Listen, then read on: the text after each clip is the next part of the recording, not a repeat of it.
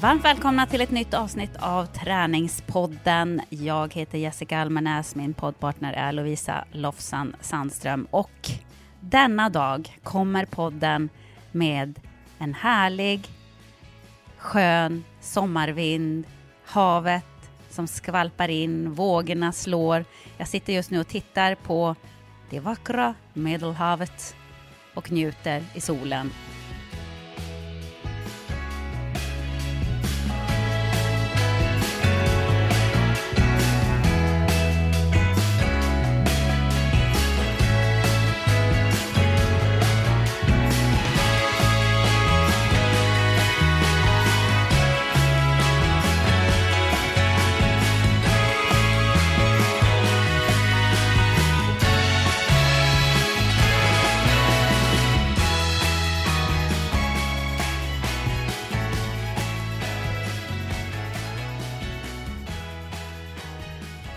det var ganska skönt för när jag åkte hemifrån, Lovisa, jag Ja. vaknade på morgonen så fick jag en chock. Där kom jag i mina små Converse och lite sommarkläder som jag hade på mig när jag skulle flyga och bara okej, fem centimeter snö här ja. Hmm, vad kul. Inte beredd på den. Nej, så jag känner ju att det är ju säkert lite provocerande för våra lyssnare att jag just nu sitter och tittar på havet eh, i solen och började morgonen med en morgonjogg längs stranden som jag älskar, du vet. Eh, I bara shorts och sporttopp. Det, jag förstår att det kan väcka en del avundsjuka, men jag måste ju ändå säga som det är. Det är min verklighet just nu. Men du, morgonjogg läng- alltså på stranden. Ja. Jag ska inte säga exakt var jag är någonstans för att det här projektet som jag jobbar med är mega hemligt. Jag har skrivit på en miljard papper att jag inte får berätta eh, om det förrän eh, de som jag jobbar med bestämmer att jag får berätta om det helt enkelt. Så att jag kan inte säga så mycket eh, mer, men eh, eh, jag är i solen och jag har en morgonjogg på stranden. Eh, tyvärr inte lika lång strandpromenad som i LA som jag, som jag ju älskar när jag springer där i Santa Monica. Den här är lite kort, så man får springa fram och tillbaka för att få ihop sina kilometrar. Men det är ju ändå väldigt härligt. Det är ju en miljö som inspirerar till eh, löpning faktiskt. Men jag kände det när jag sprang. Jag sprang eh, eh, igår sprang jag fyra och en halv kilometer. Idag sprang jag bara tre. Och jag kände liksom, det är länge sedan jag sprang. Löpningen är inte, den kommer inte helt naturligt för mig längre. Det- känns som att varje steg känns faktiskt lite jobbigt. Och, och det är så här, kolla på klockan hela tiden. När är jag färdig? Ja. Eh, hur länge måste jag springa? Kan jag få börja gå nu? Man bara längtar till Starbucks där jag ska gå och köpa mitt kaffe efter rundan. För det är ju liksom också tradition när man har sprungit Ja, det på... hänger ihop. Ja, morgonjogg på stranden och sen kaffe på Starbucks, eh, sitta och ta det lugnt, kom, kontemplera och eh, andas och titta på havet. Det, det hör till liksom hela löpningen. Men eh, ja, det kommer inte helt lätt för mig. Kan du känna igen känslan? Eller är du liksom alltid i löpform?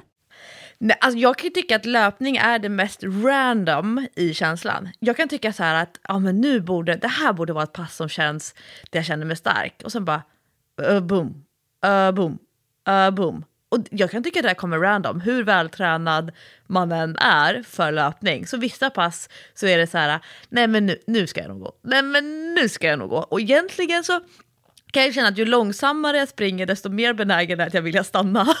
Ja.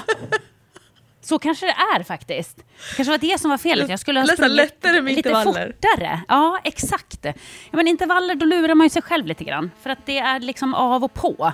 Så att man, man känner inte den där känslan av att jag måste fortsätta hela tiden. Fortsätta, fortsätta, fortsätta. För när det känns tungt är det en ganska jobbig känsla. Ja. Men eh, hur känns det i lår och rumpa? Springer du på sand? Nej, jag springer på... Eh, inte riktigt asfalt, men du vet sån här cementaktig gångväg kan man säga. Ja. Är det hårt? Eh, Ja, det är lite hårt faktiskt. Kan jag kanske förklara- egentligen skulle springa i sanden. När du... Ja, då blir det, då blir det toning. Ja, precis. Men det blir ju en annan slags belastning. För att eh, mitt knä mår inte dunderbra. Eh, det har inte gjort det på ett tag, tyvärr. Men ehm, ja, jag, jag låtsas som inget och kör på ändå. Men det är, inte, det är inte superskönt att springa så då. Och då tänker jag att det har också att göra med att, att kroppen är liksom inte van vid belastningen att bara springa eh, monotont. För det blir ju inte samma sak när jag spelar basket. Det är ju det. Alla skador egentligen som jag har haft och eh, hälen som jag har så problem med fortfarande känner jag ju inte av under basketen. Men däremot när jag bara springer landsväg monotont så får jag ju ont i hälen. Det är ju liksom, en halvmil är ju mitt max för hälen. Det går inte att springa längre.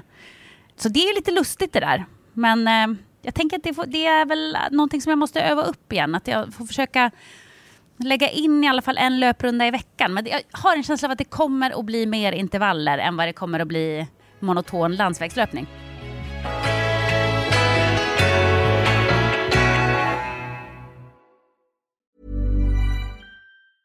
Mom deserves the best, and there's no better place to shop for Mother's Day than Whole Foods Market. They're your destination for unbeatable savings, from premium gifts to show-stopping flowers and irresistible desserts. Start by saving 33% with Prime on all body care and candles. Then get a 15-stem bunch of tulips for just $9.99 each with Prime. Round out Mom's menu with festive rosé, irresistible berry chantilly cake, and more special treats. Come celebrate Mother's Day at Whole Foods Market. Here's a cool fact a crocodile can't stick out its tongue. Another cool fact you can get short term health insurance for a month or just under a year in some states. United Healthcare short term insurance plans are designed for people who are between jobs, coming off their parents' plan, or turning a side hustle into a full time gig. Underwritten by Golden Rule Insurance Company, they offer flexible, budget friendly coverage with access to a nationwide network of doctors and hospitals. Get more cool facts about United Healthcare short term plans at uh1.com. Och nu när jag springer så här så, så tänker jag så här, hur i hela friden har jag klarat att springa fem maraton? Alltså hur? Hur har det gått till? Det känns som att det måste ha varit en annan människa i min kropp. Alltså... Det är som den här hypade eh, amerikansk-kinesiska filmen som fick massa Oscar. Jag tror att den fick väl sju Oscar eller någonting. Jag Ja, såg har du sett den? Ja, du har sett den? Jag har sett den! Det är den mest hallucinativa, psykedeliska filmen jag någonsin sett. Den är så absurd och man fattar ingenting. Och så garvar jag, jag och bara, jag såg den med bara, jag, garv, jag garvar så mycket. Men det, det handlar ju om att den här huvudpersonen, hon får möta sig själv i alla parallella universum dit hennes liv hade kunnat gå om hon hade gjort andra val. Så du kanske har Åh. mött dig själv i ett parallellt universum. Wow, det är lite sliding doors. Har du sett den gamla filmen med Gwyneth Paltrow? Ja, ja, ja. Älskar ja, ja. sliding det doors. Alltså, verkligen, så den är taget till absurdum så att man har tagit så mycket droger och det är såna absurda grejer. Men jag tänker, men det kanske är så. Det är liksom fyra kilometers morgonjoggande Jessica som möter elitidrottande maraton-Jessica och då blir alla universum bara boom, krockar med varandra. Ja, men exakt så. Men det sjuka är ju att eh, Maraton-Jessica och eh, eh, Pusta, stöna, stånka, fyra kilometer på stranden-Jessica är ju i samma universum. Det är ju det som är problemet, som jag inte riktigt får ihop. Men, det, men jag tänker så här, nej, den teorin stämmer inte, för det är inte sju år sedan jag sprang mitt senaste maraton. Det var ju 2019 faktiskt. Men annars så säger de ju att man byter ut, på sju år har man bytt ut alla celler i sin kropp. Alltså att, det, att det, man blir som en ny vart sjunde år. Och då tänker jag att det kanske är det som har hänt mig. Alla maratonceller som jag hade i min kropp, de har bytts ut. De har blivit eh, sengångarna som jobbar på körkortsenheten i den tecknade filmen Sub, eh, Subtropia. Subtropolis!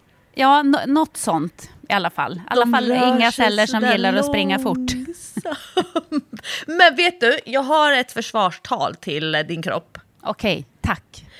Det, det är skillnad på att köra eftermiddagsjoggen i solnedgång när kroppen har varit igång lite grann under dagen jämfört med den här oförberedda, lite morgonstela kroppen som inte har gjort sin morgongympa innan du börjar jogga.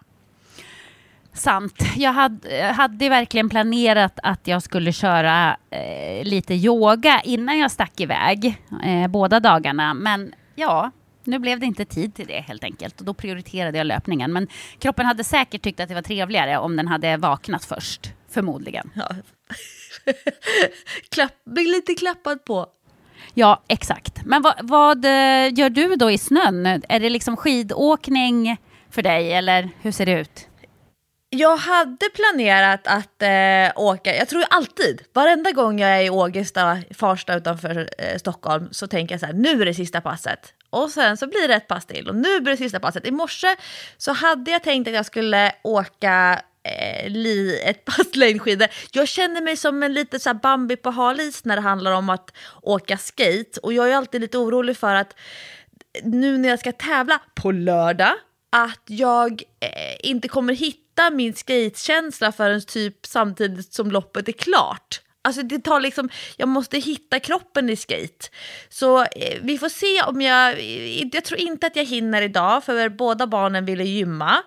Eh, men annars så håller jag på och tragglar med min styrketräning. Jag märker ju när jag har åkt så här mycket skidor, när jag har sprungit så här mycket som jag har gjort, kroppen bara drar ihop sig. Det är som en, en gummisnodd som bara så här... Den, allting drar ihop sig. Och då tänker jag så här att jag måste styrketräna, jag stretchar. Jag hade faktiskt eh, med Sixten, min stora son, eh, till gymmet för nu är det nästan två veckor sedan. Och så fick, körde han och jag en PT-duotimme med din och min gemensamma coach Andreas. Mm. Vi, vi körde PT-duo och han...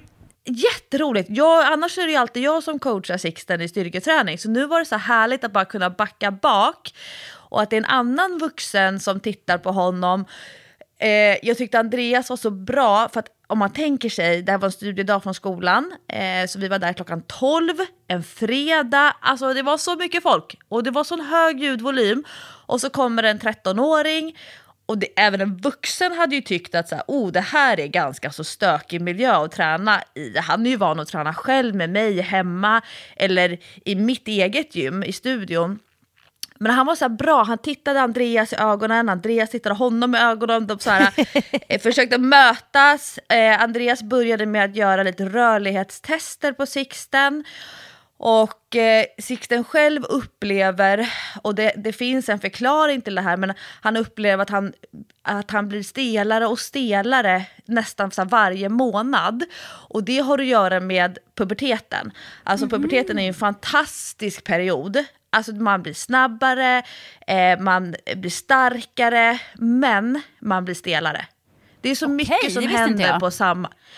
Nej, och det kan man nästan se både på, både på tjejer och killar, men jag tror att eftersom killar får en, en större muskeltillväxt så tror jag att det blir mer märkbart på killarna. Alltså att, att de blir stelare.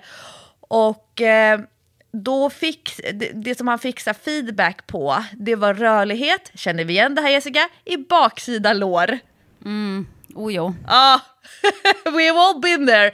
då fick han en, en, en övning som han eh, fick eh, prova först på gymmet och så sa Andreas liksom att ja, men, jobba vidare med den här själv hemma. Så nu ligger han med, det här är tips, eh, då ligger han med eh, be, ena ben, han ligger i en dörrpost.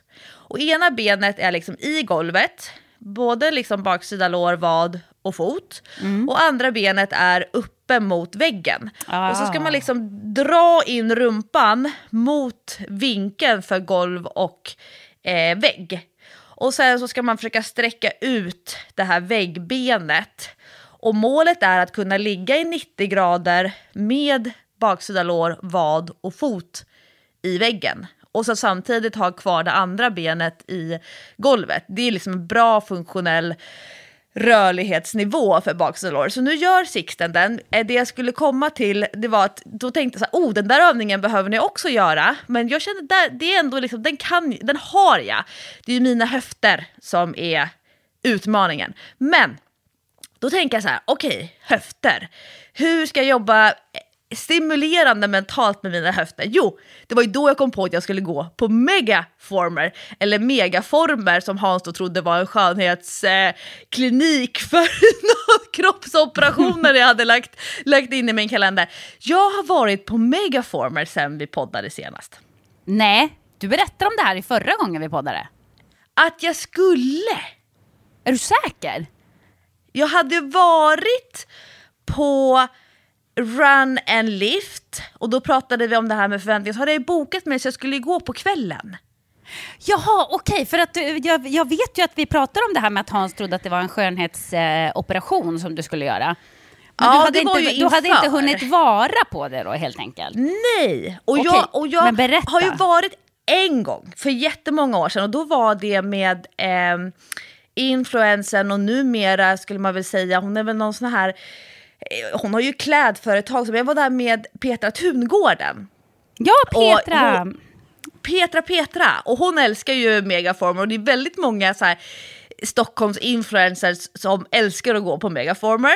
Jag, jag räckte upp handen när coachen frågade så här, är det någon som är för första gången? Jag bara, då, då kände jag mig verkligen som att ja, jag är här för första gången. Ja. Jag hade till och med tagit på mig lite foundation i ansiktet. Innan passet.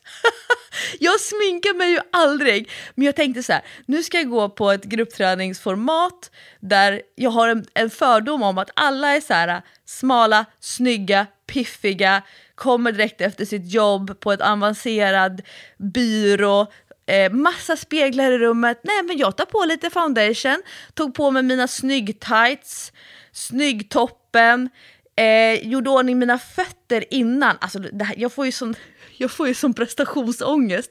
För jag hade googlat innan så här, megaformer skor? Frågetecken. Jag mindes inte hur det var. Ska jag behöva vara barfota på den här stora, det ser ut som Hans sa det, det ser ut som ett tortyrredskap från 1800-talet Lovisa. Men så kom jag dit och så sa jag, ah, nej, men jag har bokat mig på Megaformer och så ah, har du med dig strumporna? Eh, nej, det har jag inte. Nej, då ska du få köpa de här Megaformer-strumporna, 190 kronor. Jaha, Och då tittade jag på alltså dem. man har såna där strumpor som man har på när man går på Jumpyard typ. Ja, jag bara 190 kronor! Jag hade kunnat tagit med mig barnens Jumpyard-strumpor. Så här sockerplast med antiglid. Men så då köpte jag ett par Det är så här strumpor, så bä- nu har jag- bebisstrumpor för vuxna. Polen och Pyret som hade, på, när mina barn var små, då hade de ju sån här antiglid även på ovansidan så barnen skulle kunna krypa på parkettgolv. Men, och så fick vi en genomgång, vi var fyra, jag tror det var typ var hälften var nybörjare, så fick vi en genomgång av den här maskinen. Och nu, då kom jag ju på så här, just det, det var så det var. Man sätter in motståndet med hjälp av stålfjädrar som är gula eller röda, så väljer man hur många stålfjädrar som ska vara påkopplade. Det är så man får motståndet på den här stora brädan som ska glida. Och du frågade ju förra veckan så här, men liksom, hur gör man, dels här, hur man vet vilken övning man ska göra. Då går coachen runt hela tiden och muntligt förklarar på engelska, I love it. Och sen så är han helt, det var ganska få repetitioner, men det var superlångsamt. Och det sa tjejen till mig i receptionen innan, så här, för att då sa jag att ja, men jag vet inte, jag kommer inte ihåg någonting. Och så hon bara, nej men lyssna på coachen och sen gör du allting så långsamt du kan. Mhm, okej. Du vet, jag är så här, inte att jag vill riva av, men jag tycker om att ta i. Och det kan man inte göra här. Här måste man förlika sig, man måste resignera, man behöver släppa taget. Och det är ju intressant i träning att inte kontrollera, utan att släppa taget. Förstår du vad jag menar med skillnaden? Alltså att, att bara förlika sig med det här är jättejobbigt och nu ska jag stanna kvar här för det ska ta sju sekunder att komma ur positionen. Och fy fan, jag känner att jag, när jag ska gå med dig på det här, jag kommer att stöna och stånka. Och, för det där tycker jag är så eh, jobbigt när jag kör eh, så här, yogapass. När man ska hålla, hålla, hålla, när man kör med en instruktör. Alltså på nätet då, för jag går ju inte på yoga eh, i riktiga livet som du vet. Men ehm, då när man ska hålla så länge och det gör så jävla ont alltså jag låter ju något fruktansvärt. Ja. Du vet. Så där kommer jag ju verkligen att stöna. Men, men hur var det i det här rummet? För det känns som att alla var så här svala, jobba på Filippa K. Eh, Du vet, den typen. Alltså, Eller, eller är det en fördom? Är det en fördom? Nej, ja, alltså det är en fördom som stämmer. Men alla, jag ser ju att de har en fantastisk kroppskontroll.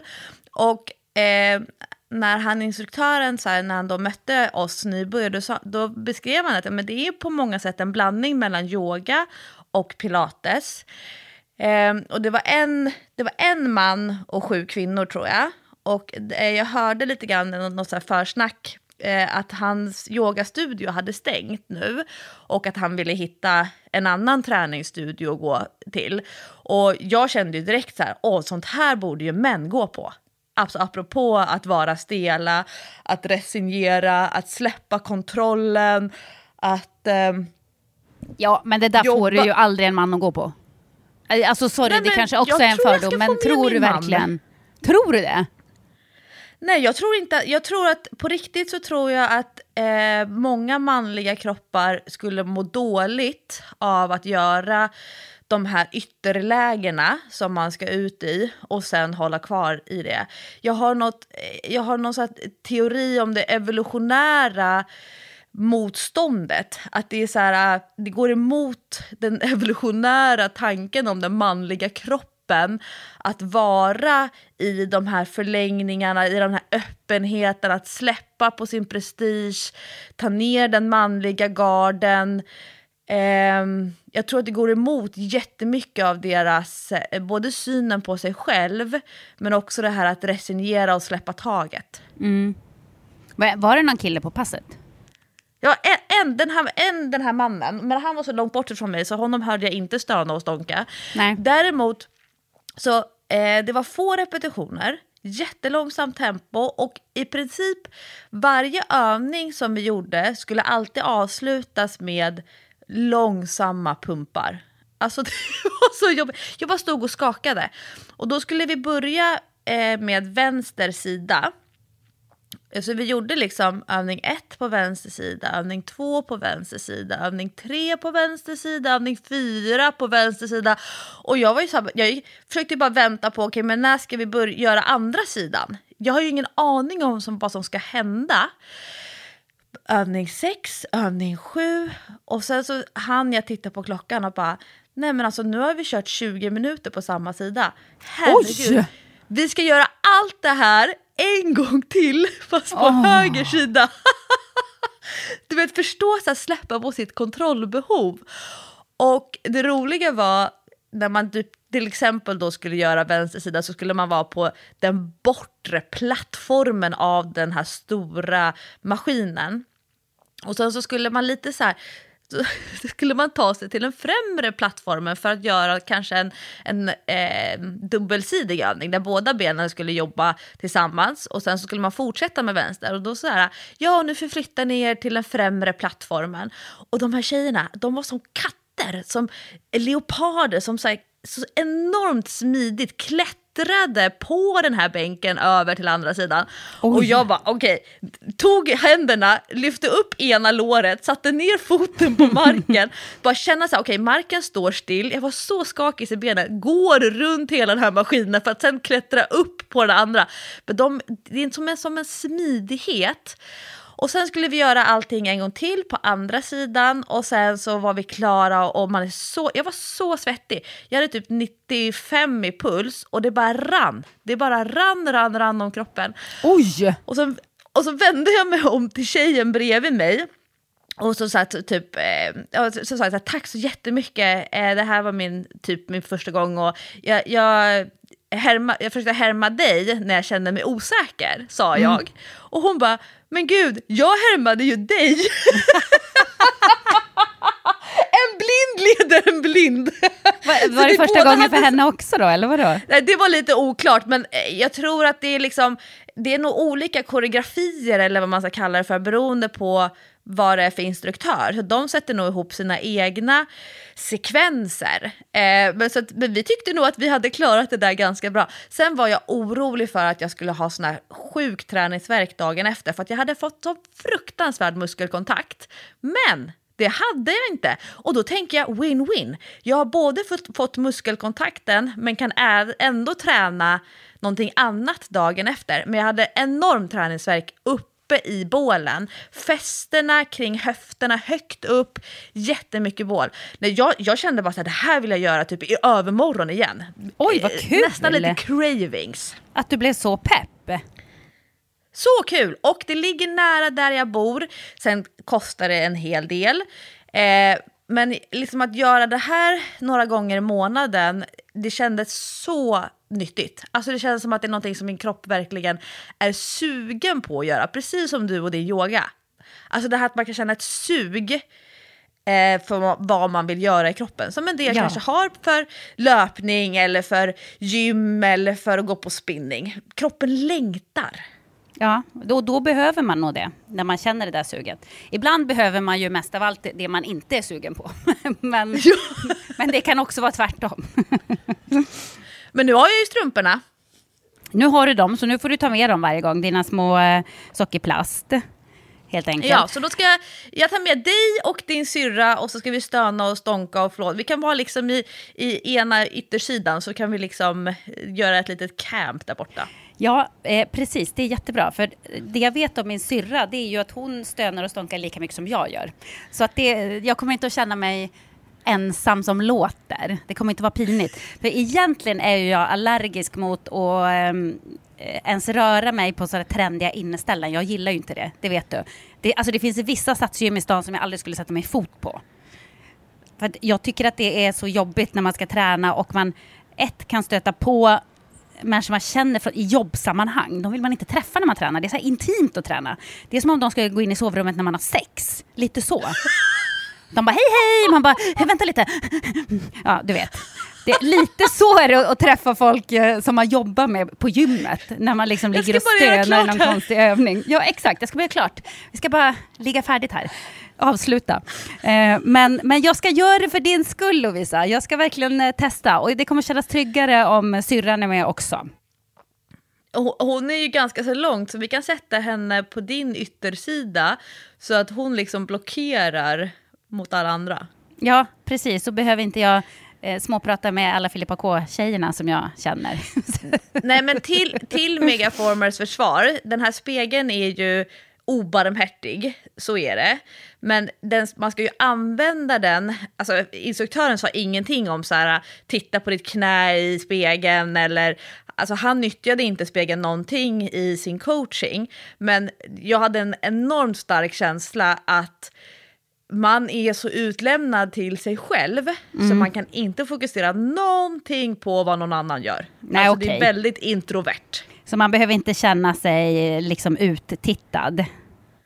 Nej, och det går inte, alltså det är ingen som att man måste göra någonting i takt eller du vet när jag går på gruppträningspass med koreografi, alltså alla går till Åh, höger, nej ja. men Lovisa hon går till Ja. vänster, Ja, exakt eller samma. alla går uppåt, Lovisa nej hon går Ja. ner. Ja, ja, ja. Sådana trauman när jag har krockat med folk på sådana här eh, eh, aerobicspass så många gånger. För att jag går åt helt fel håll och så bara dunkar man in och bara ja, förlåt. Ja. Det, var, det var jag igen som inte kunde koreografin. Sorry. Eh, men det är inget sånt alltså. Det känns ju tryggt. Nej, och det, men det är väl roligt. Sen, sen fick jag ett eh, meddelande från en kompis efter förra veckans avsnitt av Träningspodden när vi pratade om eh, högintensiv gruppträning och det här med pulsen. När man Ja. verkligen tittar på pulsen eh, i efterhand. Och då hade, det är faktiskt flera stycken som så här, hmm, började så här, kolla hur högintensivt var det här egentligen? Och då berättade hon ehm, att eh, eller så var det så här, hon hade gått in och gjort exakt samma sak som jag.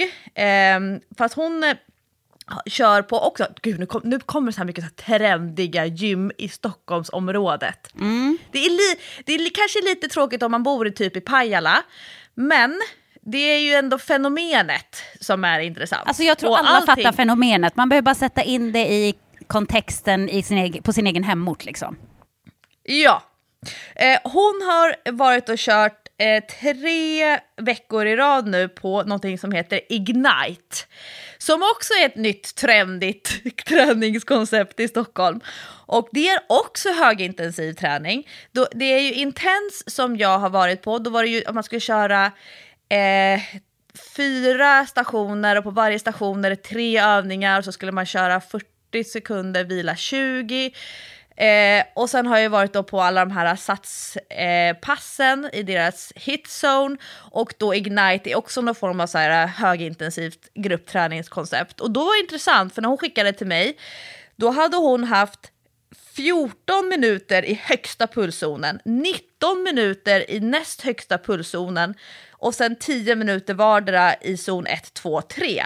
Och så sa hon Lovisa, det här, eh, kom och testa. Så nu ska jag följa med henne på eh, Ignite och se ifall eh, det är eh, mer högintensivt just för mig. På Intense-gymmet, då fick jag ju högre puls än vad jag fick, får på eh, Sats Hitzone passen generellt. Så det var lite Men eh, intressant. vad gör de där då på Ignite som är skillnaden? Eh, väldigt oklart. Jag, jag tycker att det alltid är lite svårtolkat när jag försöker läsa om hur det funkar. Men jag har förstått det som att man har sin egen station och då är det både skivstång, hantlar, kanske att man har ett löpband också. Jag, jag får Okej. testa helt enkelt. Ja, vad spännande. Du verkar verkligen vara i testningstagen. Så mycket eh, mentalt utrymme för att testa. Och det som är roligt att vara nybörjare och testa, det är att man kan komma in lite grann som en så här... Jaha, vad, vad håller ni på med här då? Jaha, Ja, det där ser ja. roligt ut. om Man- jag, om jag Man kom- kan vara lite in så- bonnig så att säga. ja, man kan vara lite borta. Och det är ändå ganska, som när jag skulle gå på Bionic med dig första gången. Alltså jag garvade ju så mycket. Jag kunde ju inte sluta skratta. Och det, det får man göra när det är så här första gångerna. Sen när man har kört så här sju, åtta gånger då förväntas man ju vara proffs. Och det är lite Ja. jobbigt att vara, vara proffs. Ja, exakt. Precis. Då förväntas man liksom inte få den där eh, fnitterattacken när man tränar. Liksom. Men också så här, eh, det är alltid skönt att armkroka med någon, så nu ska jag gå med henne, med Nathalie, eh, som hon heter. Eh, för då kan man ju få lite hjälp. Men sen så tycker jag att, att våga säga till receptionisten, jag är nybörjare, jag har aldrig gjort det här förut. Ja. Att säga det till instruktören innan, så att man ger man ger det en riktig chans att, vis, att ta ner garden och visa att man är nybörjare. Går jag på ett crossfit-pass på ett crossfit-gym, alltså jag måste räcka upp handen och säga jag kan inte det här, jag kan inte ert språk, jag vet inte, som nu till exempel när många håller på med handstand push-ups. Att man ska stå på händer mot en vägg och så har man en liten kudde Eh, mellan händerna och så ska man ner och nudda huvudet i kudden och sen så ska man liksom kippa upp till handstående. Nej men jag, jag är jättestark i min överkropp men det är svårt för mig att göra handstand push-ups. Men man, liksom, att säga då att det här är en övning som jag har svårt för, jag, jag, jag har, gör den inte regelbundet. Att våga alltså, våga visa visa sig lite sårbar, då kommer ju också coachen och receptionisterna och liksom, då kommer de ju ta hand om en bättre jämfört med om man tror att man ska kunna smälta in. Jag, jag tittar på Robinson och stackars Alva i det unga laget. Hon hade någon tanke om att hon skulle så här, glida under radarn till sammanslagningen och så blev hon utsedd till lagledare för att hon var yngst i hela Robinson och hon bara sitter och gråter hela tiden och bara nej men det var inte det här jag signade upp för. Att man så här, säger liksom att jag är nybörjare, jag kan inte det här, kan ni hjälpa mig, kan ni ta hand om mig? Det tycker jag är liksom en bra grej att tänka på när man provar nya saker i träning. Ja, absolut. Och det är ju eh, inte ett dugg pinsamt. Det är ju tvärtom. Liksom. Ja, säga. är det ett, bra, ett bra coach vill ju att alla ska känna att träningen har varit på deras, alltså på, för deltagarnas skull. En dålig coach håller ju pass för sin egen skull. Ja. Men en bra coach är ju där för deltagarnas skull. Det är det som jag gillar med Friskis så mycket. Man, man är där för att man vill göra skillnad för folk. Ja.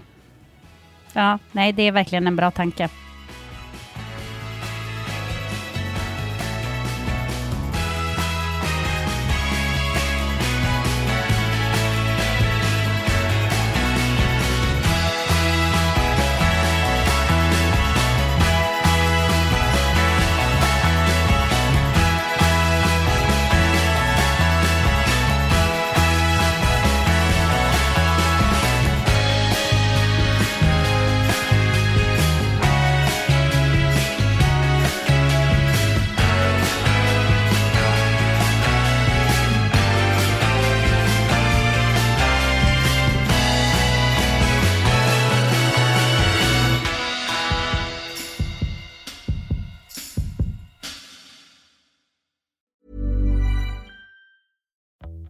Life is full of what ifs. Some awesome, like what if AI could fold your laundry?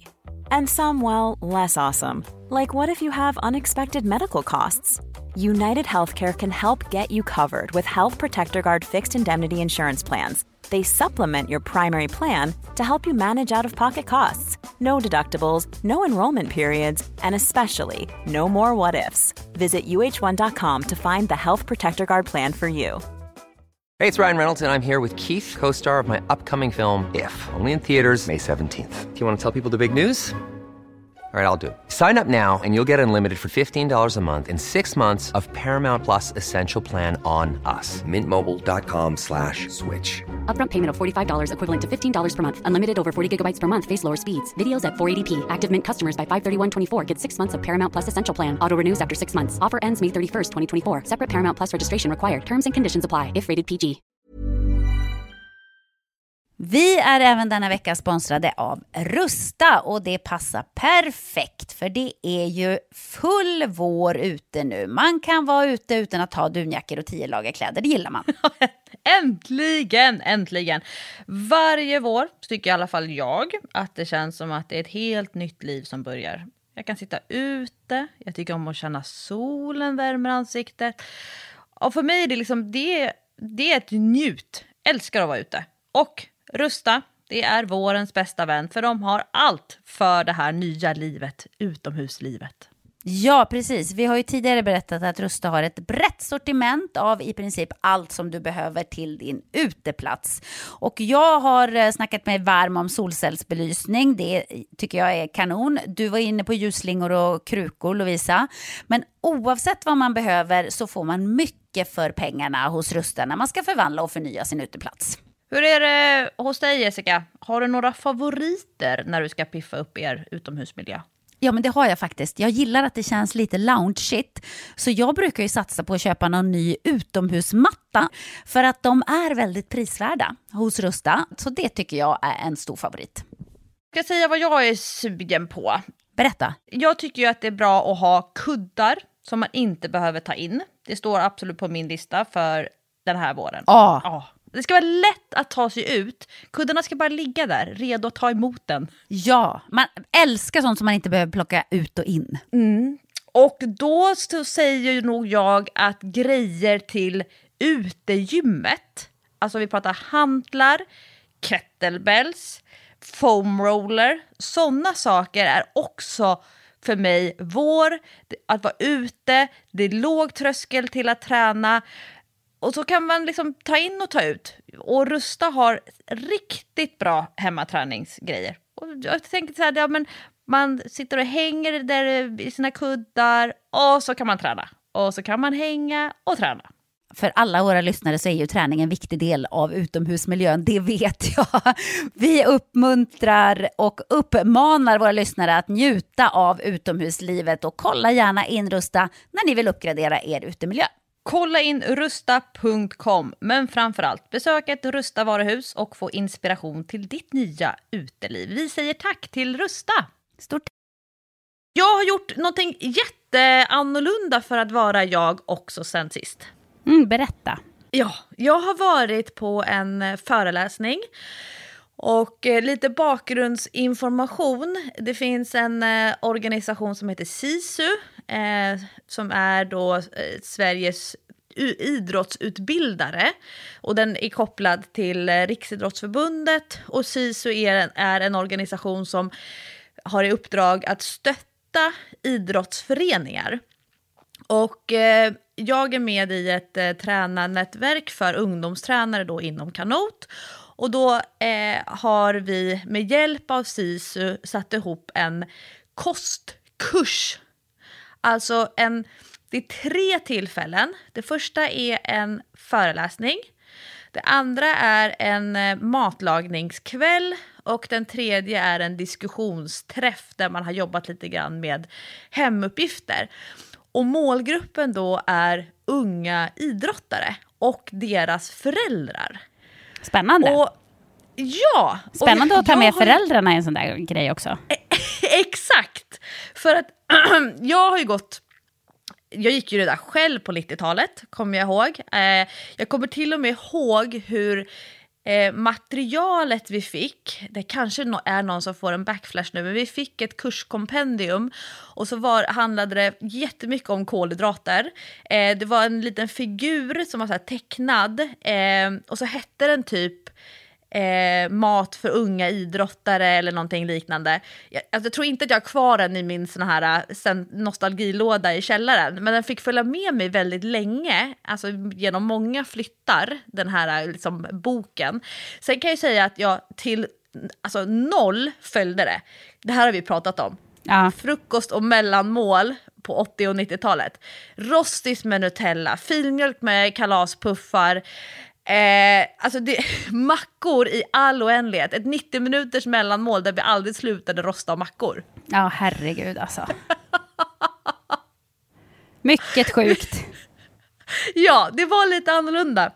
Men den här föreläsningen, eh, själva titeln på den eh, var Goda matvanor för goda resultat. Och då var det en kock och eh, typ en kostro, hon är kostrådgivare också som eh, håller i alla de här tillfällena. Så att jag, som jag förstått det så hon får betalt av SISU och SISU sponsrar våra föreningar, alltså de, eh, ungdomarna i våra föreningar med deltagaravgiften. Så att vi har inte behövt betala någonting för det här projektet, vilket ju är supersympatiskt tycker jag, för då kan man nå de ungdomar och de familjer som inte eh, kan betala för att ungdomarna ska lära sig äta bättre. Det vet man ju ur ett socioekonomiskt perspektiv.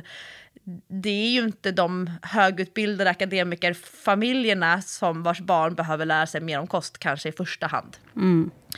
Eh, men, och då började det med en, en frågeställning som eh, var eh, vad krävs av din kropp för just din idrott? Alltså att fundera över den idrotten som du håller på med, eller de idrotterna om man har flera idrotter. Vad är det din kropp behöver? Är det mycket styrka? Är det mycket koncentration? Är det uthållighet? Är det kondition?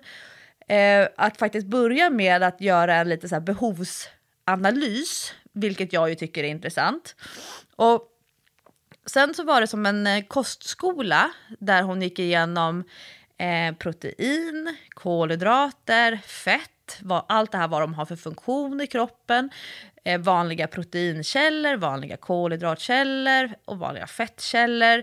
Det finns olika typer av fett och de yngsta från min grupp som var med, de fyller 12 i år eh, och de äldsta kanske ungdomarna i målgruppen 17-18 och så fanns det en hel del unga ledare som då är liksom kanske 20-21 och så var det vi föräldrar. Så det var liksom ett brett spann från de som har läst kanske lite mer näringslära i skolan, hemkunskapen, idrotten. Men så finns det också föräldrar som har provat alla dieter. Alltså vi verkligen, det var ju verkligen en blandning. Men hon, eh, eh hon pratade så bra om eh, livsstilen, alltså att hur vår valda livsstil påverkar skola, arbete och idrottsutövande. Och den första punkten hon hade på listan det kallade hon för frisk närvaro. Alltså att vi ska hålla oss friska. Det är liksom vår liv, valda livsstil påverkar vår frisknärvaro. Unga idrottare som ofta blir förkylda, som måste avstå från träning för att de har ont i knät eller ont i ländryggen. Och hon pratade om prestation, om fokus, om koncentration. Och sen tog hon upp det som jag tyckte var bra, allmänt psykiskt välmående och allmänt fysiskt välmående. Alltså hur glad man känner sig i hjärnan, hur pigg man känner sig i kroppen. Till exempel 10.30 i skolan. Man kanske åt frukost vid sju mm. och sen har man haft tre eller fyra lektioner och det bara kurrar i magen. Man kanske egentligen skulle vilja lägga sig och sova på bänken, på skolbänken och sen är det liksom en timme kvar till lunchen. Och de har inte mellanmål i skolan att de kan, de har inte med sig en frukt som de kan äta utan de ska gå, det ska gå och kurra i magen tills de ja. får skolmaten. Och sen hur skolmaten ibland har oförtjänt dåligt rykte, hur man pratar om skolmaten. Alltså om du är en ung idrottare, du har fått lära dig att det är viktigt att du äter skollunchen och så sitter alla och snackar skit om maten samtidigt som du ska äta i den här höga ljudvolymen, alltså som det då ofta är i en skolmatsal. Känner du igen det här? Ja, alltså jag känner igen det där jättemycket från eh, mina egna barn och också att det blir lite det där som du säger att man pratar illa om skolmaten, men grupptrycket. Att så här, ja men om kompisarna bara tar en knäckemacka eh, då tar jag också bara en knäckemacka. För då är det lite pinsamt att jag ska sitta där och äta kalops, eller vad det nu kan vara. Um, så att det där, eh, det blir ju liksom lite en grej att det är, man ska tycka att skolmaten är äcklig, förstår du? Ja, att det, är lite, det, är lite, det är lite fint att inte äta skolmaten på något sätt. Mm. Men jag kan ju verkligen få krupp på det där, för jag försöker säga till eh, framförallt till eh, Dylan, att här, du måste äta för att du orkar inte annars. Alltså, du har ingen energi. Kom hem från skolan, du ska iväg direkt på, på din träning eller ridning eller vad det är och inte har käkat lunch och, och, ofta äter dålig frukost också för det är bråttom, liksom, kliver upp lite för sent och sådär. Eh, det, det går inte. Man har ingen energi då helt enkelt. Men det är som att barn har lite svårt att ta in det där att äta mat hänger ihop med hur pigg man är på något sätt. Jätteintressant och ofta så ser man inte, inte, inte ens vi vuxna kan se sambandet. Ja, det, är nog, det stämmer nog. Det stämmer nog att det är så. Att vi vuxna är kanske också lite blinda för det. Och det hon pratade om var eh, liksom att det som motiverade mig mest till att gå på den här föreläsningen, det är klart att jag kommer inte lära mig några nya kostrekommendationer eller näringsrekommendationer, hur många gram kolhydrater vi ska äta och, och skillnaden mellan snabba och långsamma kolhydrater. Men det jag var nyfiken på, det är hur man 2023 pratar om kost med ungdomar. Mm. Alltså hur, vilken tonalitet man har, vad lägger man fokus på? Alltså, jag tror både du och jag har ju en erfarenhet av att det är superkänsligt att prata om mat och ätande, egentligen med vem som helst, men liksom hur, eh, hur pratar man med ungdomar om ätande? Har, mm. har du någon känsla i ditt gäng liksom, hur föräldrar pratar om mat med tonårstjejer eller ja, men, hur man pratar om godis och chips och allt det vi stoppar i munnen. Alltså, jag, jag, jag tycker det är jätte, jättesvårt. Jag, och jag har ju inga tjejer. Det har ju inte du heller. Vi har liksom inga döttrar och jag tror att det är knepigare där. Och där tror jag man verkligen själv måste passa på hur man pratar om mat eh, när det gäller sig själv också. Just det här med eh, kanske inte prata om att eh, jag ska hålla igen eller du vet verkligen tänka på hur man uttrycker sig åt alla håll. Men eh, jag försöker också säga till, till Jack till exempel så här, men Jack, du kan inte äta så himla mycket eh, sött och vet du hur många kalorier det är i en eh, kladdkaka som man kan köpa hem ibland? Så här, en kladdkaka som man bara mumsar i sig, en hel sån där. Och han är ju väldigt smal och vill gå upp i vikt och, och bygga muskler och så. Och då säger man, jag vill gå upp i vikt. Jo, men du vill inte gå upp i vikt på kladdkaka. Det är liksom fel sätt att gå upp i vikt. Ät mer mat. Men det är svårt att, ehm, eh, att, att få barn och ungdomar att liksom fatta den grejen på något sätt. Jag vet inte hur man ska prata, men jag gissar att man skulle kunna ha en mycket bättre infallsvinkel än vad jag själv har när jag börjar skrika om att det är så mycket socker och kalorier i en kladdkaka. Liksom. Men jag vet inte, hur ska man, hur ska man liksom få fram budskapet? Ja, men eh, jag möter ju många kvinnor som är i din och min ålder, eller mitt emellan oss, som har de här tonårstjejerna som har fått ätstörningar. Och eh, det, det de här föräldrarna jobbar jättemycket i det är att ställa sig själva frågan vilket ansvar har jag i min, mitt barns insjuknande? Mm. Vilka kommentarer, hur har jag serverat mat, hur har jag pratat om mat, hur har jag pratat om träning? Och hamnar liksom i ett läge där det är klart att du kan inte, få, du kan inte göra någonting osagt. Det är ju en jättejobbig känsla. Det går inte att spela, spola tillbaka tiden och göra annorlunda. Um, men, Nej, precis, för det jag... där grundas nog ganska tidigt, tror jag. Alltså, jag tror att det är en sån grej som kanske mm, man inte ser resultat av direkt. Utan att det kan komma flera, flera år senare. Och man inser liksom, jag kanske inte borde ha eh, pratat om mat och träning på det sättet som jag gjorde. Eller slängt ur med de där kommentarerna. Men som sagt, det går ju inte att backa bandet. Det, det går inte. Nej, och eh, jag hade tänkt ta det här senare, men det, men det passar ganska bra här. Hon eh, hade som ett exempel, där handlade om kol, när hon pratade om kolhydrater.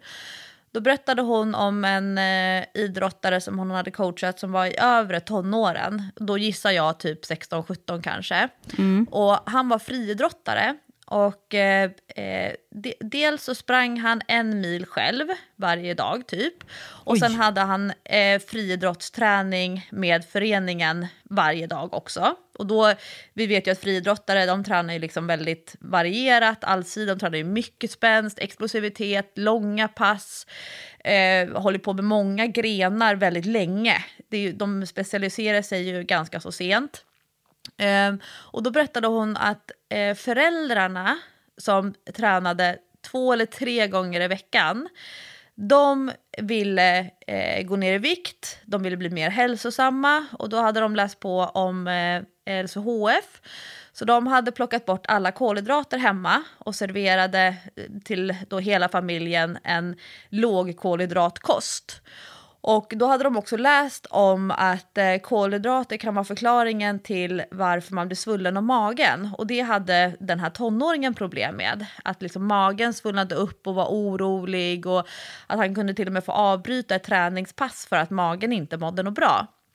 Och eh, han hade gått ner i vikt under den här perioden. Är man 16-17-årig kille då ska man ju inte, och dessutom då träna mycket, då ska man ju inte gå ner i vikt. Och hon hade det som exempel att eh, både när det handlar om att se huruvida man får i sig tillräckligt mycket protein, men också tillräckligt mycket energi. Hon sa att unga idrottare i stor utsträckning äter för lite energi. De får ja. i sig för lite energi från mat.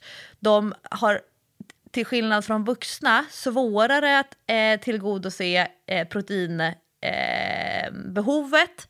och just det här med viktnedgång, det var en viktig eh, varningssignal, eller som en, som en signal som man skulle vara uppmärksam på.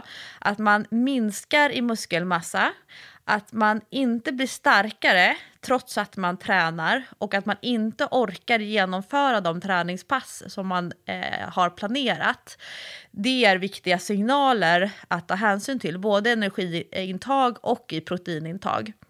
Och eh, då hade hon tittat då på eh, hur den här killen normalt sett hade ätit när det handlade om, om kolhydrater, för nu när föräldrarna tog bort alla kolhydrater för att de själva ville gå ner i vikt, då visade det sig att han fick i sig för lite eh, energi han fick i sig för lite eh, kolhydrater för att kunna orka träna så mycket som han gjorde. Och de kolhydraterna han brukade äta innan de la om kosten, som antagligen då skulle kunna förklara varför han, han blev så svullen om magen och så vidare, det var framförallt för att kolhydraterna kom från vitt bröd, från pasta, från vitt ris. Eh, att det hela tiden var de här vita kolhydraterna. Eh, och när hon då hjälpte honom att lägga om så att han skulle äta mer rotfrukter, han skulle ha långsammare kolhydrater, då blev magen mycket bättre och på tre veckor så vände hans träningsresultat. Han blev piggare, han gick upp i muskelmassa eh, och magen var inte alls så där orolig. Och då sa hon och tittade lite grann på, på oss föräldrar, eh, för jag var ju där både som förälder och som ledare. Och då sa hon att som förälder så ska man absolut inte applicera sin egen diet på sina barn, på sina Nej. ungdomar. Exakt. Att man ska inte prata om att man lägger om sin kost. Man, eh, och att ni, ni ungdomar, ni ska inte äta som era föräldrar gör. Ni har helt olika livsstil. Och det var så bra att att hon tog den, liksom, eh, tog den högt. För att det är så trendigt att vuxna provar och hoppar på, och hoppar av och hoppar på på olika saker. Och så applicerar man det på hela familjen. Men att man har helt olika typer av behov. Ja, det, det tyckte jag var intressant. Ja, jag håller verkligen med. Nu kommer, nu kommer säkert några av våra lyssnare bli arga på mig här. Men jag tycker ju eh, till exempel eh, att det är helt fel att ge barn eh, vegan och till och med faktiskt vegetariankost. Alltså jag tycker att det är fel att dra med barnen i, i den typen av eh, kost. Jag tycker att eh, små barn och tonåringar ska äta allsidigt. Och sen kan man bestämma när man är vuxen om man vill, om man vill ha någon speciell eh, koståskådning. Och så, så, alltså är det en tonåring som vill bli vegetarian, ja men det är väl fine liksom. Men att man ska ha in små barn i det, det tycker jag är fel. Men det är min åsikt, så får man ju tycka annorlunda. Eh, men du har ju helt rätt i det, fast man måste också lyfta bara lite skuldbeläggandet på föräldrarna. För man måste också tänka, hur är vi som är liksom föräldragenerationen som har tonåringar idag uppväxta? Ja, men vi är ju uppväxta med dieter, bantning, alltså det var ju så normaliserat när vi växte upp. Och det var ju liksom bara Alltså som de bara skrev i, i de här eh, alla tjejtidningarna, Veckorevyn och Starlet och allt det där om, eh, om kroppen och hur man skulle se ut och eh, testa penntricket för att se om du har hängiga bröst. Alltså det var ju ett annat språk. då. Eh, och, och, kan du nypa dig i midjan och får eh, tre centimeter i handen, då är du för tjock. Alltså så, så var det ju verkligen. Gör det här testet för att se om du är överviktig. Eh, testa den här dieten. Och det var ju, alla tidningar skrek ju bara med olika diettips och hur man skulle banta och så. så att, eh, man får ta bort lite av skulden från, från oss föräldrar för att vi är ju upp, uppväxta med att bli matade med det hela tiden. Det är jättesvårt att, att bara liksom bortse från det. För att det är, eh, det är något som kommer naturligt för väldigt många i vår generation, tror jag. Att man liksom ja. tänker och pratar så kring, kring mat, kropp, träning. Sen kan man ju alltid liksom göra bättre och försöka förändra sig och ge sina barn ett annat tankesätt. Men, men det har inte varit så lätt för oss, det kan man säga. Nej, och det är därför jag var så intresserad av tonaliteten för den här generationen. Eh, till exempel, det som jag inte mötte när jag gick den här typen av kurser på 90-talet och inte heller kanske tidigt 2000-tal heller. Men det är att i större utsträckning så tog hon upp eh, klimatfokus. Eh, just det att vi eh, i många år har pratat om avokado som en jättebra fettkälla. Nötter, samma sak. Eh, men idag när det sitter 15-åringar och lyssnar så vet de att avokado och nötter inte är bra för eh, att vi svenskar sitter och äter hur som helst i året om för klimatet. Det är därför avokado och, eh, också är så dyrt. Alltså. Ja, exakt. Och den tog hon också upp så här. Hon bara, ja nu pratar era föräldrar om att det är så dyrt att gå och handla. Och då ska ni säga till dem att bönor, bönor är ett jättebilligt livsmedel som innehåller jättebra grejer för alla kroppar. så hon tog också upp så här, det är många familjer som upplever en ekonomiskt pressad situation när de ska gå och handla. Mm. Så att de grejerna, inte en chans att någon, en, eh, kostutbildare för tonåringar på 90-talet skulle prata om att avokado var dåligt för klimatet. Nej, och nej, att det skulle vara jakten på billigare eh, protein eh, livsmedel till exempel. Så det tyckte jag var intressant. Eh, sen så tog hon upp, och det, och det här tyckte jag, alltså jag, jag, jag, kanske inte, jag behöver inte lägga någon värdering, men jag, jag ville säga, okej okay, hur pratar hon om kostregistrering? Alltså, jag tror, det finns ingen åldersgräns i att ladda ner Lifesum-appen till exempel. Sen måste du väl klicka i din ålder att godkänna att du, att du inte är ett barn som ska sitta och registrera eh, kosten hur som helst. Men det finns ju hur många TikTok-videos som handlar om så här, what I eat in one day och mm. eh, där det kommer upp så här, rutor och hur många kalorier det är i varje måltid och sådär. Jag har ju jättesvårt för det. Men då så, så, tog hon upp så att det kan faktiskt vara bra att under några dagar skriva upp allting som man äter. Inte för att ni ska räkna kalorier, vänder hon sig till ungdomarna och säger, utan det man ser när man gör studier på unga idrottare, då ser man att de mest förekommande livsmedlen, det är pasta, det är köttfärssås och det är vitt bröd. Mm. Och då vet man att för en ung idrottare så är det inte det det bästa sättet att äta på om man då går tillbaka till fysiskt välmående, psykiskt välmående, eh, orka träna hårt, vara skärpt och koncentrerad i skolan, eh, ha hög frisk närvaro. Då sa hon att det allra viktigaste för en ung idrottare det är att äta varierat. Och till skillnad från hundar, hästar, katter som vi vet mår allra bäst av att äta exakt samma sak varje måltid. Alltså att byta ut, det här har jag fått lära mig, byta hundfoder. Det kan göra jättestor skillnad för hundens mage. Men vi människor, till skillnad från de allra flesta djur, måste äta varierat för att vi ska må bra. Så då sa hon att när ni tittar på den här kostdagboken sen, då ska ni kolla vilka fyra, fem saker har man ätit oftast? Och går de att variera mer ur ett positivt perspektiv? Alltså vad är det du ofta stoppar i munnen? Och det tyckte jag var så fint istället för att, att de skulle sitta och titta hur ofta äter du godis, hur ofta äter du chips, hur ofta dricker du läsk? Utan se så här, men vad äter du oftast? Um, och det tänker jag så här, även för oss vuxna, för hon, hon tog som exempel så här att Ja, men ni har säkert koll på det här med eh, fitnessmänniskor som, och bodybuilders. De äter kokt ris, bro kokt broccoli och eh, kokt torsk. Och så äter de det, ja, så äter de det fem, fem eh, gånger i veckan. Eh, men liksom vad, hur påverkar det kroppen att äta så ensidigt? Så det jag tänkte så här, ah, det, där kan, det där är en bra poäng. Att försöka äta så varierat som möjligt snarare än att äta så nyttigt som möjligt. Mm. Vad, skulle, ja. vad skulle komma på din lista över vad du eh, äter oftast under några dagar? Alltså tack vare min man så äter jag ju väldigt varierat för att han lagar ju liksom inte samma mat varje dag. Eh, men däremot så äter jag ju ofta till lunch när det är så här, och jag orkar inte laga mat, jag kommer inte på något att laga, så äter jag bananpannkaka. Det, det äter jag till lunch tre dagar i veckan säkert. Och så gott! När jag jobbar hemma. Men det, och det är också, då känner jag mig nöjd, jag blir mätt. Det är banan, det är ägg, jag får i mig protein, jag får i mig lite frukt eh, och kolhydrater med bananen och, och sådär. Så då känner jag ändå att eh, jag blir ganska mätt på det och står mig hyfsat bra. Men det är nog det som jag äter mest på en vecka skulle jag säga. Och du då? hon, ja, alltså jag äter ju jättemycket gröt.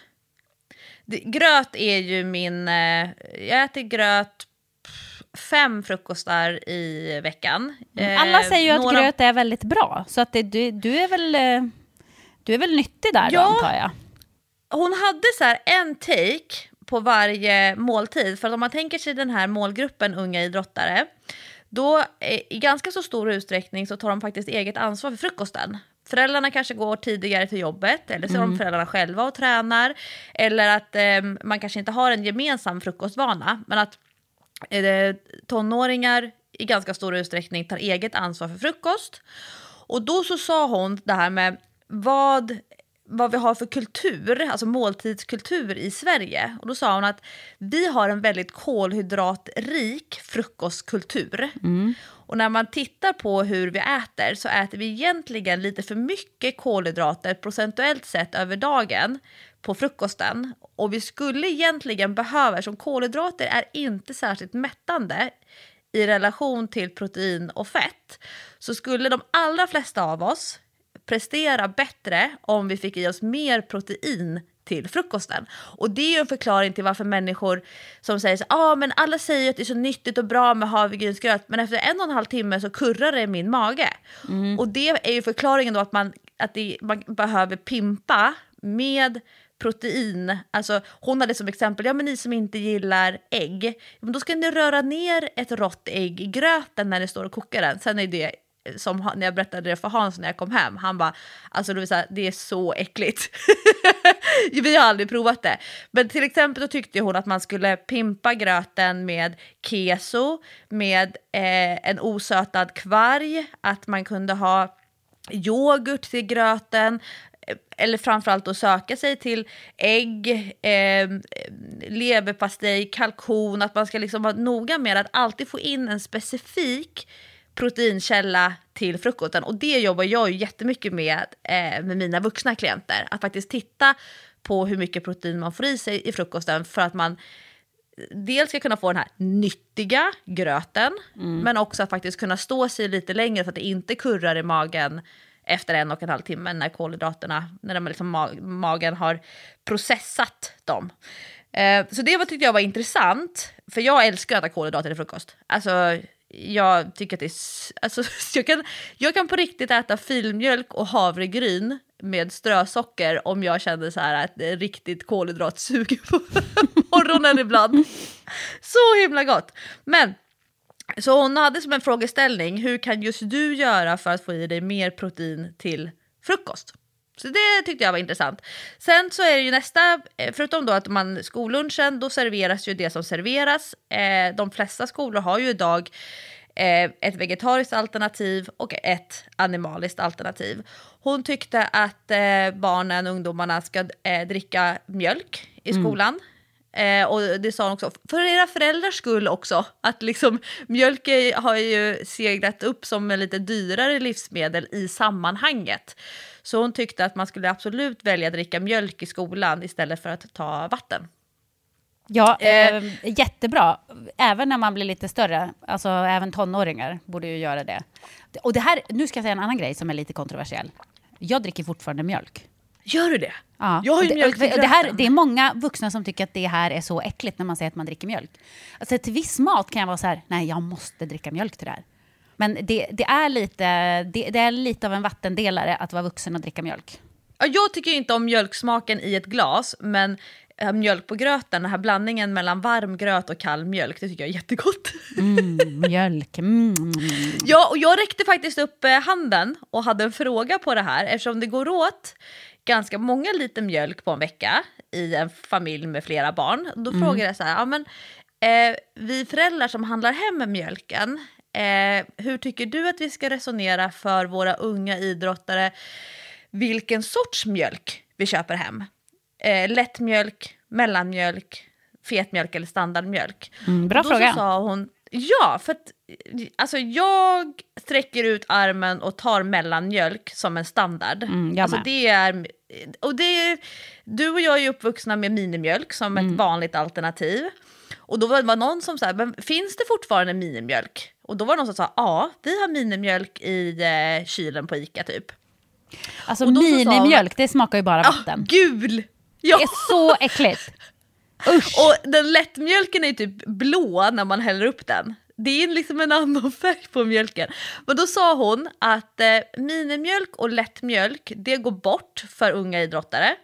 Eh, mellanmjölk som lägsta standard, men att föredra är standardmjölk till unga idrottare. Okej.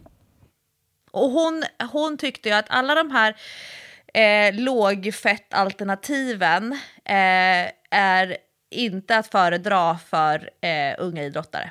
Jaha, tänkte jag. Ja, det var, var intressant. Jag köper aldrig hem röd mjölk om det inte är så att vi ska göra pannkakor. Av någon anledning så röd mjölk till pannkaka. Det här är vad man är uppvuxen med. Så, så konstigt. Men hon tyckte liksom att överlag standard fettprodukter är att föredra. Jaha, Så det- alltså, vad intressant. Eh, men så pratade hon om mellanmål, för det är ju liksom nästa... Det är ju framför allt den som vi föräldrar, vi vuxna, inte kan kontrollera. Om barnen kommer hem från skolan eh, och innan de ska iväg på träning så ska de göra sitt eget mellanmål. Och mellanmål är ju någonting som jag tittar jättemycket på för mina vuxna klienter. Alltså, vad äter du till mellanmål? Äter du mellanmål? Hur påverkas du av att äta mellanmål? Om du inte äter mellanmål och ska träna innan middagen, liksom, hur känns kroppen då? Och då hade hon en jättebra frågeställning som jag tycker är eh, oavsett målgrupp. Nämligen, med vilket syfte äter du mellanmålet? Äter du mellanmålet för att du har ätit en dålig lunch och det kurrar fruktansvärt mycket i magen? Eller äter du mellanmålet för att du ska köra ett träningspass eh, om några timmar? Äter du mellanmålet för att du ska få i dig tillräckligt mycket energi under dagen? Alltså med vilket syfte äter du mellanmål? Och vi vuxna, som eh, jag, jag har stor erfarenhet av, kanske på riktigt tar en chokladbit som ett mellanmål. Man tänker inte, det här är mitt mellanmål, men det är det det blir i praktiken vid halv tre på eftermiddagen. Precis. Alltså, Och jag pratar för mig, pratar jag för mig själv har jag blivit jätteduktig med mellanmål. Ja, ja. Men vad då? är det en vattendelare verkligen med mellanmål? Ja, jag tror att eh, väldigt många vuxna tycker att mellanmål är att småäta för sin egen del. Ja, det Och så, kanske... så ja. klagar de på att de inte är pigga på träningspasset på kvällen. Eh, ja, exakt. För det, det var det jag skulle säga, att det, det har ju jag märkt. Att om jag inte äter mellanmål och när jag ska iväg på min ridning på kvällen eller på basketen så presterar jag sämre. Och det kom jag på efter en gång när jag kom till basketen och ändå hade ätit ganska mycket och jag var så jävla pigg och det gick så bra på träningen och jag hade så mycket energi. Så jag tänkte så här, hmm, apropå det där att vi vuxna inte, ibland, inte alltid heller ser sambandet mellan att äta och ha energi. så, så, så var det som eh, halleluja, här fick ju jag en uppenbarelse att om jag äter och ser till att jag är ordentligt påfylld när jag ska träna på kvällen, även fast jag kanske inte känner mig hungrig, men jag vet att jag kommer att behöva den där extra energin. Så att nu har jag börjat med det. Så även om jag känner på kvällen så här, men jag är inte hungrig, det är bättre jag inte äter innan jag går iväg på träningen och så äter jag något efteråt. Så tänker jag så här, nej, nej, nej. I med ett litet mellanmål här så att du har energi till att träna. Eh, och det har gjort stor skillnad för mig faktiskt. Ja, och, och det är ju det här man funderar över. Vad är syftet med mellanmålet? Eh, Alltså det, för väldigt många så är ju syftet att du ska orka träna efteråt.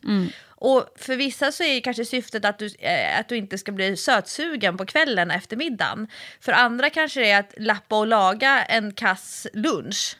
Men att, att fundera över vad är syftet med mellanmålet och vad bör jag äta till mellanmål för att kroppen ska kännas bra.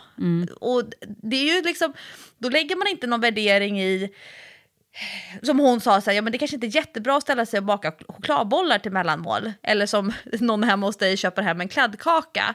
Men det är ju en signal från hjärnan att jag behöver energi. Men då ska vi ju liksom göra lite bättre val. Det kanske inte är jättenice att träna på den där kladdkakan sen efteråt. Nej, exakt. Det är ju det. För den energin är ju, det är ju snabb energi som snabbt går över och så blodsockret bara karum ner i källaren. Ja. Det, det tredje då, middagen, som ju ofta är en familjesammankomst. Eh, sammankomst. det är oftast ett eh, vuxenansvar för middagen. Eh, då hade hon en jättebra poäng, för då handlade det mycket om det här med eh, vilka fetter vi använder när vi, när vi tillagar maten. Och det var många som gick igång på det här med eh, vad vi använder för fetter när vi tillagar mat. Och då sa hon att ur ett liksom, kulturellt perspektiv så har vi i Sverige ett väldigt stort stekpannefokus.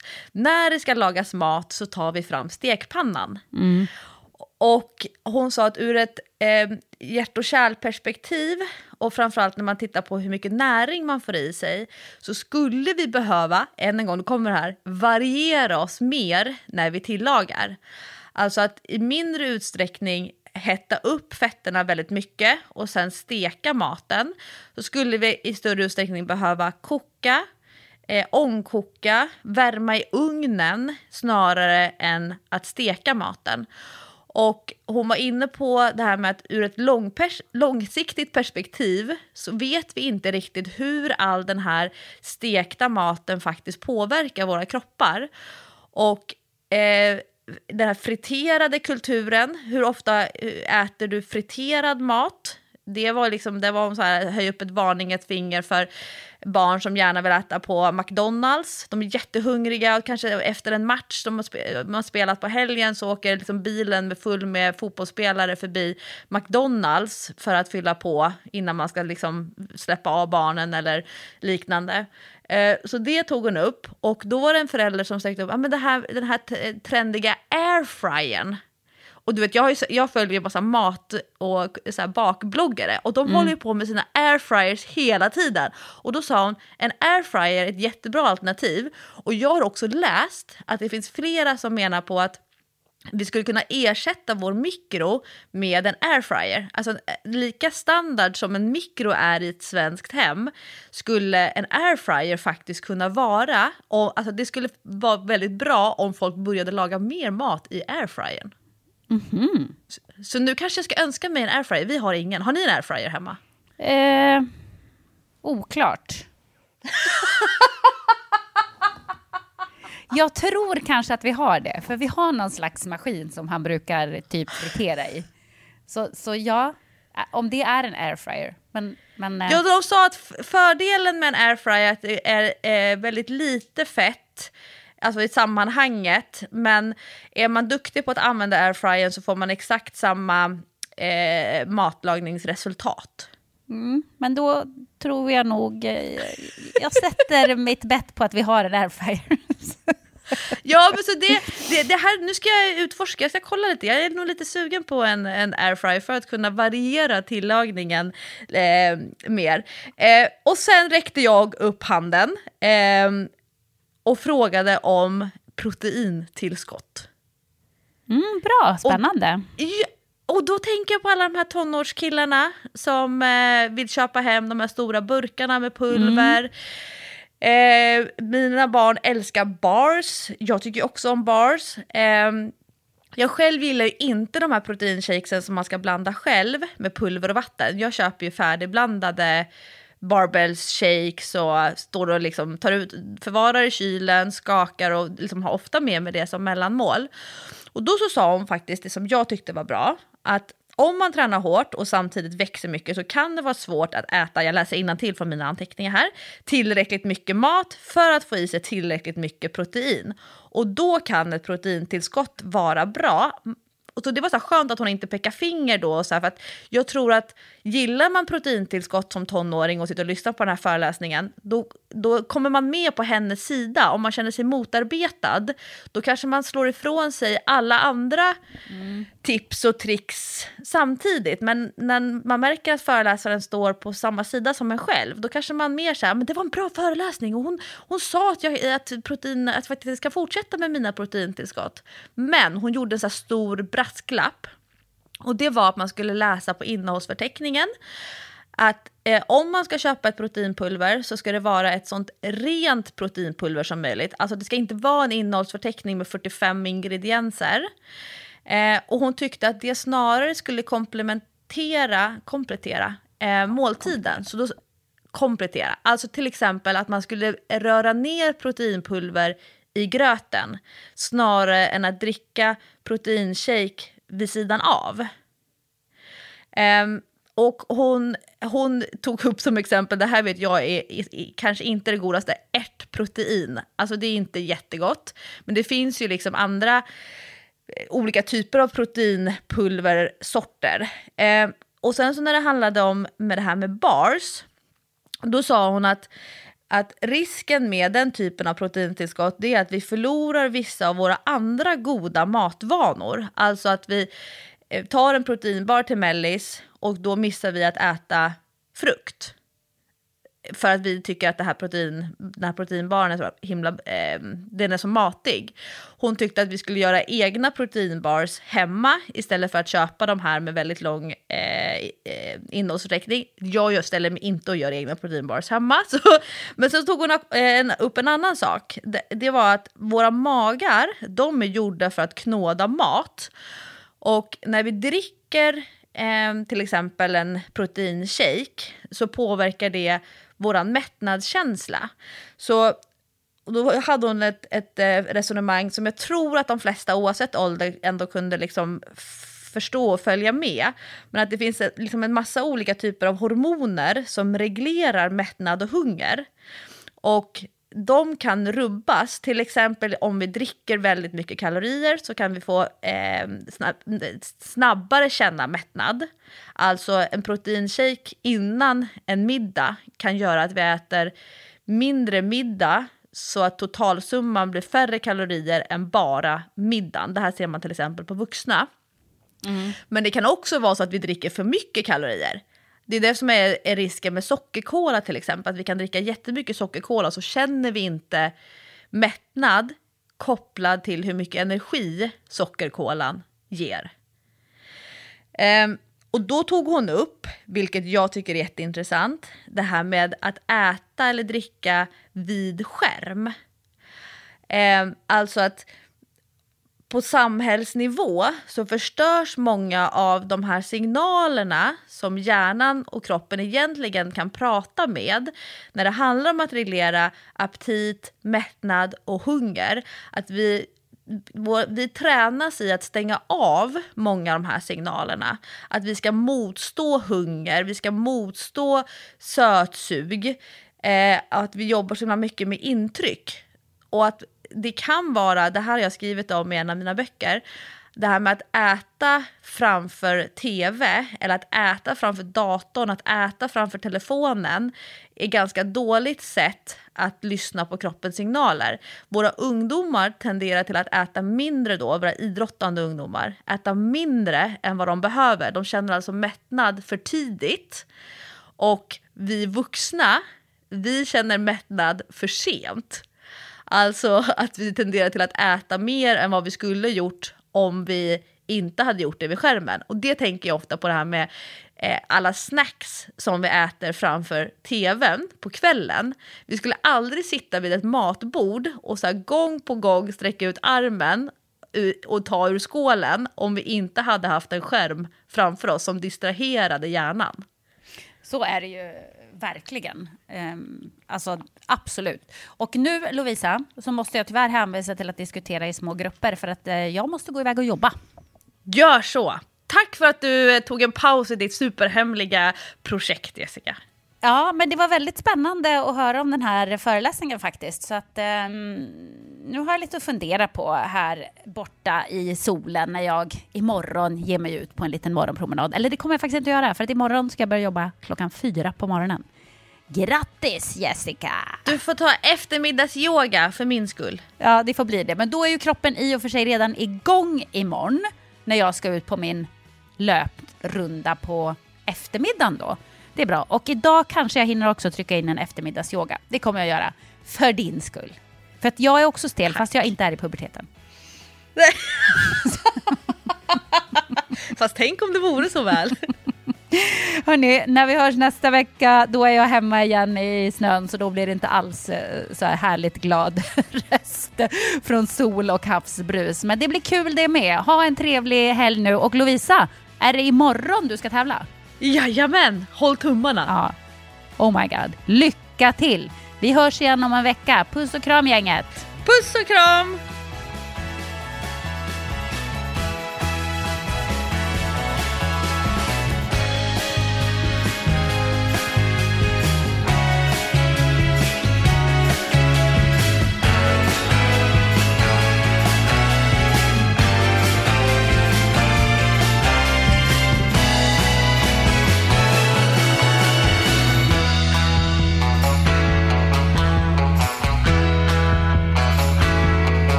Podden produceras av Sandström Group.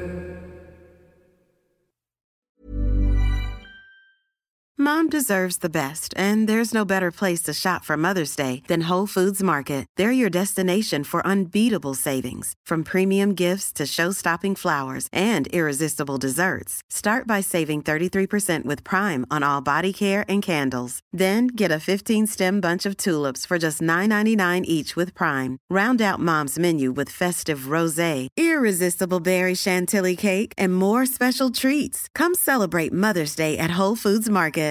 Imagine the softest sheets you've ever felt. Now imagine them getting even softer over time. That's what you'll feel with Bowl and Branch's organic cotton sheets. In a recent customer survey, 96% replied that Bowl and Branch sheets get softer with every wash. Start getting your best night's sleep in these sheets that get softer and softer for years to come. Try their sheets with a 30-night guarantee. Plus, get 15% off your first order at bowlandbranch.com. Code BUTTERY. Exclusions apply. See site for details.